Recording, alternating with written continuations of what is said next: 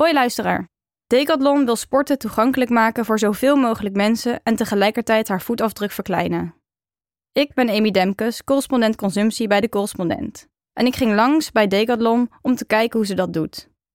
Ik leerde dat Decathlon, net als veel andere retailbedrijven, haar succes voor een belangrijk deel heeft te danken aan het uitbesteden van de productie. Maar dat dit verduurzamen ook heel lastig maakt. Daar gaan we.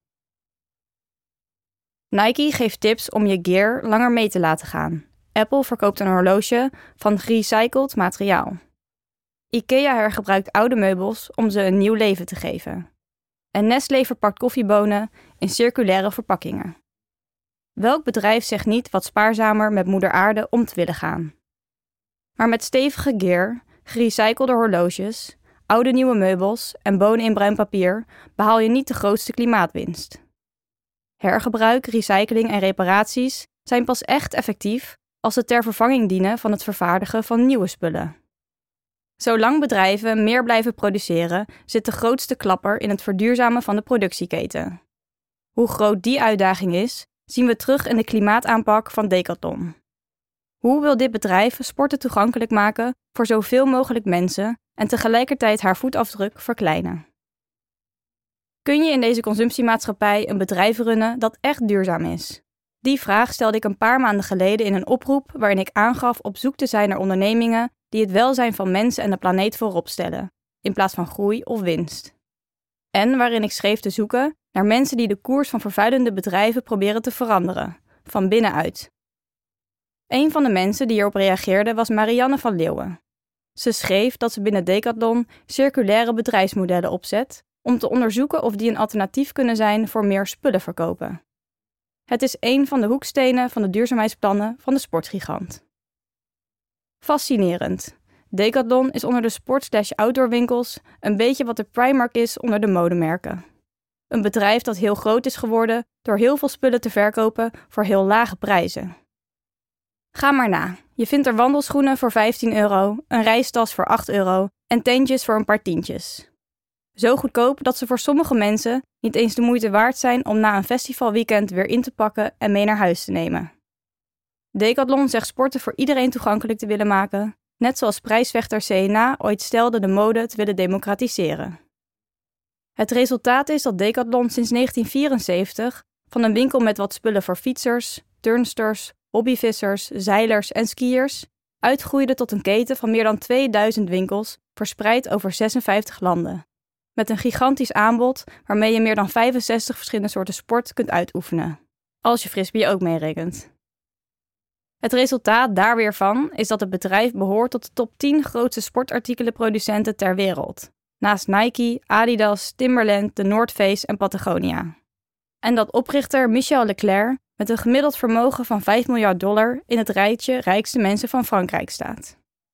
En daar het resultaat van is dat ook de CO2-uitstoot van het bedrijf sinds de eerste milieurapportage in 2013 tot 2022 met een factor 3 is gegroeid. Uit de mail die ik kreeg van Van Leeuwen maakte ik op dat daar nu verandering in komt. Decathlon kiest voor groen. Wat valt er te leren van Decathlons klimaataanpak? Terwijl twee medewerkers een tent opzetten midden in een lange hal met hoge muren, word ik bijna omvergereden door een andere werknemer die op een mountainbike voorbij roetst. Een paar meter verderop komt hij al slippend tot stilstand. Aan de donkere bandensporen op de lichtgrijze vloer te zien, doet hij dit vaker. In een hoekje staat iemand tussen kleurrijke surfplanken te rommelen aan een meterslange sub. Het witte plastic heeft een geel-bruine gloed gekregen. In combinatie met de vele blauwe pleisters op de zijkanten is het duidelijk dat het ding flink wat te verduren heeft gehad. Dit is niet meer geschikt voor de verkoop, verklaart de jongen genaamd Bojan in zijn blauw-witte Decathlon tenue. Op de tweede etage van het warenhuis van Decathlon in Tilburg liggen of staan overal kapotte spullen. Gescheurde tenten, halve fietstrappers, lekkende subs, tennisrackets met gaten, verbogen fitnessapparaten. Onderdelen bestellen, demonteren, restaureren. Met elke handeling blazen de mensen in gekleurde hesjes nieuw leven in de spullen. Dit herstelwerk is een van de manieren waarop Decathlon haar milieu-impact wil terugdringen, vertelt Van Leeuwen, terwijl we door het zogeheten circulaire centrum lopen. Ook zet Decathlon in op het verduurzamen van het ontwerp van bestaande producten, verhuur, inkoop en verkoop van tweedehands spullen en recycling. Zo staan in de hal bakken met geretourneerde felgekleurde sporthelmpjes, die gerecycled worden omdat ze als veiligheidsproduct niet opnieuw de verkoop in mogen. Ze zijn gloednieuw. Even verderop staan een paar stellingkasten met eenzame schoenen die tijdens het verzendproces en in de winkels hun partner zijn kwijtgeraakt. Sinds kort wachten honderden schoenen hier op een nieuwe match, waaruit zo'n 500 gelinkte paren per maand komen. Hoe raakt dit aan de wortel van de grootste milieubelasting? Net zoals geld voor zo'n beetje alle retailbedrijven zit het gros van Decathlons impact in de toeleveringsketen. Ongeveer 80% van de totale uitstoot van broeikasgassen van de sportgigant zit hem in het maken van de producten. In klimaatjargon ook wel scope 3 genoemd. In 2021 stelde Decathlon het volgende voor om in de periode 2020-2026 te bereiken. Punt 1. De absolute broeikasgasemissies van scopes 1 en 2 met 90% verminderen ten opzichte van het basisjaar 2016. Punt 2. Een vermindering van 53% in de intensiteit van de broeikasgasemissies voor scopes 1, 2 en 3 per euro toegevoegde waarde. En punt 3. 90% van alle toeleveranciers betrekken bij het stellen van wetenschappelijk onderbouwde doelen om de emissies omlaag te krijgen die veroorzaakt worden door het produceren van de producten en diensten voor Decathlon. Wat opvalt, voor scope 3, daar waar de meeste klimaatwinst te behalen valt, staan geen absolute reductiecijfers, maar een vermindering per euro toegevoegde waarde. En dat laat nogal een vertekend beeld zien, zo blijkt wel uit het volgende voorbeeld. Op de website van Decathlon staat dat het in 2021 een wereldwijde reductie van 22,1% bereikte ten opzichte van 2016. Dit is gemeten aan de hand van een vermindering per euro toegevoegde waarde. Hierbij wordt de totale omzet in een bepaald jaar, in dit geval 2016, gedeeld door de hoogte van de emissies en vergeleken met die in een ander jaar, in dit geval 2021. In 2021 verkocht Decathlon voor veel meer geld aan producten, terwijl de uitstoot van broeikasgassen per euro veel minder was dan in 2016. Maar in absolute termen groeide de uitstoot van broeikasgassen door Decathlon in die periode met zo'n 18%, volgens de meest recente cijfers. Net zo goed claimden bedrijven als H&M en Nike eerder op deze manier jaarlijks een daling van de CO2-uitstoot, terwijl hun werkelijke uitstoot toenam. Recentelijk heeft Decathlon haar doelstellingen bijgesteld. Het bedrijf wil de absolute uitstoot van broeikasgassen met 20% verkleinen over haar totale waardeketen in 2026 ten opzichte van 2021. Scope 1, 2 en 3 dus. Een reductie die neerkomt net onder het uitstootniveau van 2016. Maar als het bedrijf echt serieus wil verduurzamen, waarom stelt het dan geen specifieke doelen voor daar waar de grootste impact zit, de productieketen, scope 3 dus? Al sinds de eerste milieurapportage in 2013 weet Decathlon dat de belangrijkste bron van vervuiling samenhangt met het maken van steeds meer spullen. Inspanningen rondom het anders ontwerpen van producten, schonere grondstoffen of recycling hebben hierdoor door de jaren heen niet geresulteerd in een lagere totale uitstoot. Dat had wel gekund als het erin geslaagd was om de productieketen zelf te verduurzamen. Maar dat verloopt moeizaam. Begrijpelijk ook als je weet hoe retailbedrijven doorgaans opereren. Ze verkopen spullen, maar maken ze niet. Zo laat Decathlon haar producten maken door meer dan 1500 verschillende leveranciers verspreid over de hele wereld. De redenen hiervoor zijn evident. Het is flexibeler, minder risicovol en bovenal goedkoper en dus winstgevender maar het brengt ook een groot nadeel met zich mee. Veel van die 1500 fabrieken draaien op gas of olie en een aantal nog op kolen. Als Decathlon minder vervuilend wil worden, moet de sportgigant ervoor zorgen dat deze fabrieken overstappen op schonere energiebronnen. En dat is nog niet zo makkelijk als je zelf geen eigenaar bent van zo'n faciliteit en dus geen directe zeggenschap hebt.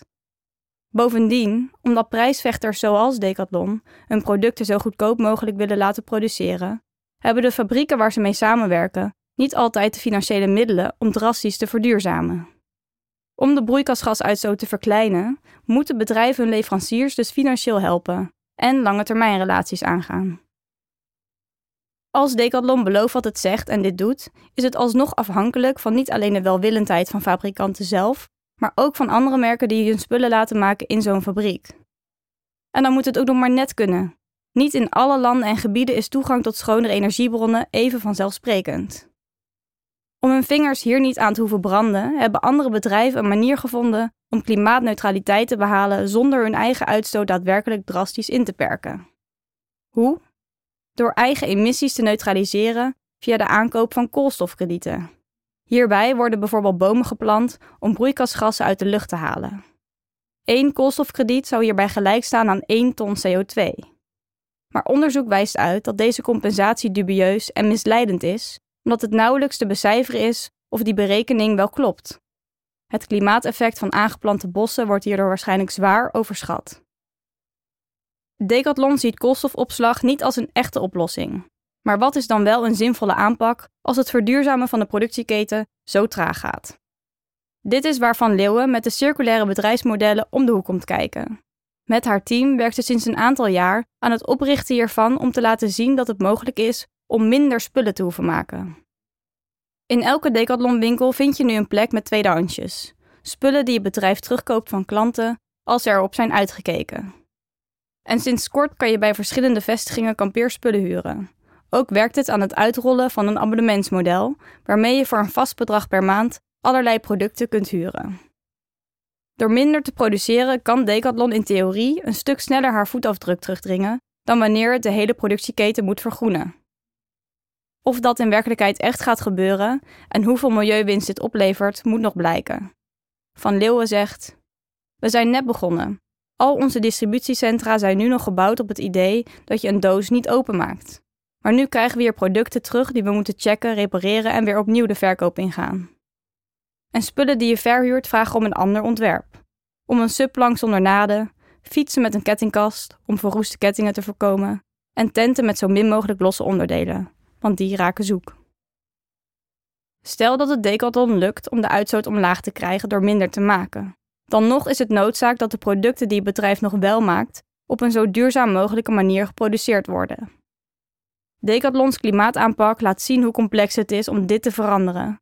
De uitgestrekte en versplinterde productieketens die het bedrijfsmodel van de sportgigant en veel andere retailers mogelijk en zo winstgevend maken, hebben er weliswaar toe geleid dat allerlei sportartikelen voor heel veel mensen toegankelijk zijn en dat iedereen er nu volgens de laatste trends bij kan lopen.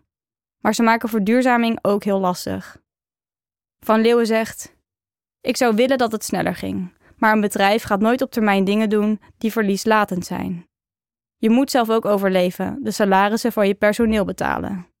Maar wat ik meer en meer ontdek, is dat het huidige model best wel moeizaam is. Wij verkopen namelijk heel veel producten tegen zo'n lage marge dat we ook wel heel veel producten moeten verkopen. En we zijn er goed in geworden door zo'n efficiënte machine te worden. Maar misschien ben je dan wel helemaal niet in het slim heel goed geworden. En zie die radertjes in die machinerie maar eens te veranderen. De correspondent bestaat 10 jaar. Al tien jaar maken wij journalistiek voorbij de waan van de dag. Journalistiek die niet polariseert, maar perspectief biedt. Die geen ophef najaagt, maar oplossingen zoekt. Wist je dat de correspondent 100% door leden wordt gefinancierd? Dat betekent dat we ons werk alleen kunnen doen als luisteraars zoals jij ons steunen. Word vandaag nog lid. En draag bij aan diepgravende, Advertentievrije en onafhankelijke journalistiek. Ga naar decorrespondent.nl en word lid.